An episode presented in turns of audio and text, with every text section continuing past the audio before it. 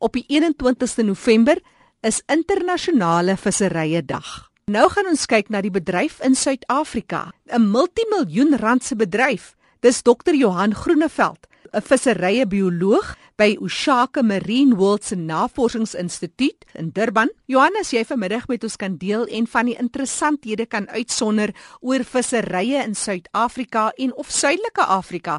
Dis 'n baie dinamiese bedryf wat internasionaal moet meeding. Wat sonder jy uit? Nou as jy kyk na die bestuur van die bedryf in Suid-Afrika, het dit in die afgelope paar jaar of so heelwat probleme gehad, maar daar's tog uh, baie suksesse ook. Een van die uh, suksesse sou ek sê uh van die bedryf is byvoorbeeld die wat hulle noem die Marine Stewardship Council sertifikasie van die Suid-Afrikaanse uh, diepwater stokvis vissery. Dit is 'n uh, sertifiserings uh liggaam wat internasionaal is en visserye moet baie streng beheer word en baie goed toegepas word die eh, wetgewing daartoe moet baie goed toegepas word voordat 'n vissery kan gesertifiseer raak. En daar's net een vissery in hele Afrika wat gesertifiseer is en dit is die Suid-Afrikaanse diepwater stokvis vissery. So dit is ook die grootste vissery in Suid-Afrika. Is dit 'n inisiatief wat deur regerings in plek gestel word? Uh nee, dit is nie. Dit kom van die industrie self af uh die industrie moet basies uh hulle moet aansoek doen daarvoor. Uh hulle kry dan assessore uit om die sertifisering te doen en om die uh, assessering van die vissery te doen en die voordele daarvan is ook op die ou einde vir die industrie. Met ander woorde, hulle kry toegang tot markte wat hulle nie andersins sou gehad het nie. Maar hulle werk ook baie nou saam met die regering omdat die beheer van die vissery of die die bestuur daarvan bly nog steeds die verantwoordelikheid van die departement uh en nie van die industrie nie. Mm, dis nou interessant. En hoe verseker hierdie tipe sertifikasie dan dat die beheer baie goed bestuur sou word? Ja, die vissery word baie goed bestuur op op op al drie vlakke. Basies die die drie vlakke van die uh, Marine Stewardship Council is basies die die bron self en wat se kondisie die bron self is en die bron is basies oorbevis vir 'n ruk, maar hy is nou besig om baie mooi te herstel. Die tweede punt is die effekte wat die vissery het op die omgewing. Uh, en dis basies op seevoëls en uh op die seebodem en op die byvangste van van stokvis en die derde een is die bestuur self is hoe die bestuur gedoen word en of dit op 'n baie verantwoordelike manier gedoen word en volgens maatreëls wat internasionaal aanvaarbaar is met die hersertifikasie van die vissery blyk dit dat die vissery sal heel moontlik weer gesertifiseer word vir die volgende 5 jaar. Die sertifikasie vind elke 5 jaar plaas of dit herhaal word elke 5 jaar. Johan, en dit is nou meer spesifiek van stokvis wat jy praat. Vertel ons 'n bietjie meer oor die spesies. Wel, dis basies twee spesies. Uh in Engels noem hulle dit hake, mm -hmm. soos deepwater hake. Uh dis twee spesies. Uh die een is kom 'n bietjie dieper voor as die ander ene. Hulle wetenskaplike naam is Merluccius.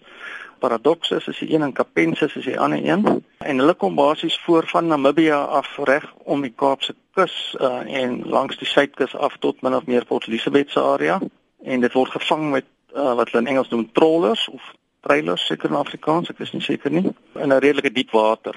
Met ander woorde, dis 'n redelike groot skepe wat die stokvis vang. En ek moet sê dit bly nog altyd een van die heel lekkerste vis om te eet. Ja, vir my is dit ook baie lekker, ek moet sê.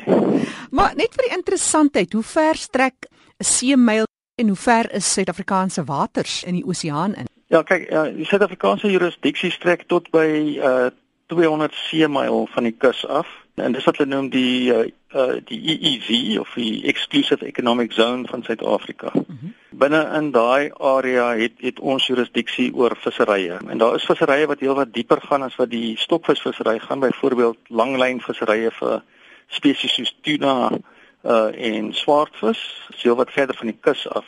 Die stokvisvissery is op die die kontinental self met ander woorde dis in waters wat redelik naby aan die kus is waar dit heelwat dieper raak so by 'n paar duisend meter is is daar nie eintlik visserye wat op die bodem uh, werk nie dis is alles visserye wat in die waterkolom self visvang met ander woorde jy jy sit hoeke jy stel hoeke of of so om om om vis mee te vang hmm. net so vir interessantheid hoe, hoeveel 'n kilometer is 'n seemyl omtrent O, seemyl is omtrent 1.8 km. Ja, so so, so naby aan 2 km. Mm. So as ek sê 200 seemyl dan praat ek so van 360 km van die land af is die Suid-Afrikaanse gebied.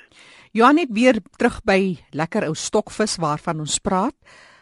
Afgesien van die mens wat baie lief is daarvoor, waar val die stokvis dan in die oseaan in die voedselketting? Dis redelik hoog op in die voedselketting. Daar is uh heelwat ander spesies wat dit eet, soos byvoorbeeld ehm uh, seeleus, haie en ander visspesies, uh, maar dit is self 'n karnivoor. So as jy nou dink aan die ehm um, voedselpiramide, is dit nie heel bo nie, maar dit is dit is ook heel ver van onder af. Met ander woorde, dit dit eet ander vis meestal uh skulpvis. Ja, dit word ook geëet deur uh, groter uh, roofvisse. Nou Suid-Afrika het al hierdie sertifisering ontvang is vir die laaste 10 jaar. Dis 'n baie deursigtige en moeilike duur proses. Geef ons 'n paar voorbeelde waaraan visserye moet voldoen om hierdie sertifikasie te verkry. Een van die goed wat uh, wat in die vissery gebeur het voordat hy gesertifiseer is, is dat daar baie seevoëls doodgemaak is en beseer is deur middel van die visvangmetode. En een van die voorwaardes van die sertifisering was dat hulle moet 'n manier kry om die voëlmortaliteite af te bring en hulle het dit ook reg gekry deur sekere soort wat hulle noem 'n tory line of 'n lyn agter aan die boot te sleep wat voëls wegjaag. En dan sal ook ander regulasies byvoorbeeld wat sê hulle mag uh, sekere goed nie doen gedurende die dag nie want dit trek voëls aan. Maar wat hulle reg gekry het, hulle het reg gekry om baie van die voëlspesies uh, se mortaliteite te verminder met uh, meer as 90%. Dis die soort van voordele van die sertifikasie is dit veroorsaak dat die vissery al hoe meer verantwoordelik word hmm. oor tyd. Uh, want elke slag as die vissery geëvalueer ge word, is daar 'n nuwe stel reëls wat dit moet nakom. Dit is baie duur om dit te verkry, maar die voordeel daarvan is dit dit gee vir jou jou seekosprodukte wat uit die vissery uitkom, kry die Marine Stewardship Council se merk op en jy kan dit dan verkoop op markte waar jy andersins nie kan nie. Byvoorbeeld baie van die Europese markte verkies vissoorte wat reeds gesertifiseer is omdat dit op baie meer verantwoordelike manier gevang is. En Suid-Afrikaanse stokvis is baie populêr in Europa, veral in Spanje. Nou as gevolg van die sertifikasie kan ons ook 'n hoër prys kry daarvoor en dis baie makliker vir ons om uit te voer na die lande toe. En as 'n mens na enige supermark gaan in Suid-Afrika en jy kyk dat die bevrore visprodukte sal jy die uh stokvis sien daarso wat wat 'n MSC merk op het. Dit beteken dat daai spesifieke verpakte vis kom vanaf die vissery af wat wel gesertifiseer is. Dis nou interessant Johan, maar as 'n mens nou kyk na hierdie gevriesde verpakte vis, word dit al reeds op die boot gevries en is daar enigsins van die kwaliteit ingeboet as verbruiker? Hoe kyk ek daarna? Nee, jou kwaliteit word glad nie ingeboet daardeur nie. Om die waarheid te sê, jou kwaliteit waarskynlik beter. Jy's omdat dit uitvoerprodukte is baie baie van die tyd. Ek is deel van die span wat die visserye assesseer, spesifiek die die stokvisbron uh, of vissery geassesseer het en dit word geassesseer deur deur 'n derde party. En normaalweg is dit konsultante wat van uh, Engeland en Oorsee afkom uh, wat dit doen. En dan elke jaar kom hulle hiernatoe om basies ding te auditeer om seker te maak dat dat al die reëls en regulasies gevolg word en so voort. Dr Johan Groeneveld 'n visserye bioloog verbonde aan die Navorsingsinstituut by Ushaka Marine World in Durban. Hy het ons gedeel oor die interessanthede wat gevolg moet word en die proses vir 'n volhoubare bron van stokvis in die geval wat op internasionale vlak kan meeding. Gaan maak 'n draai op hulle webtuiste vir meer inligting oor navorsingsprogramme en vakansieaktiwiteite. Dis www.seaworld.org.za.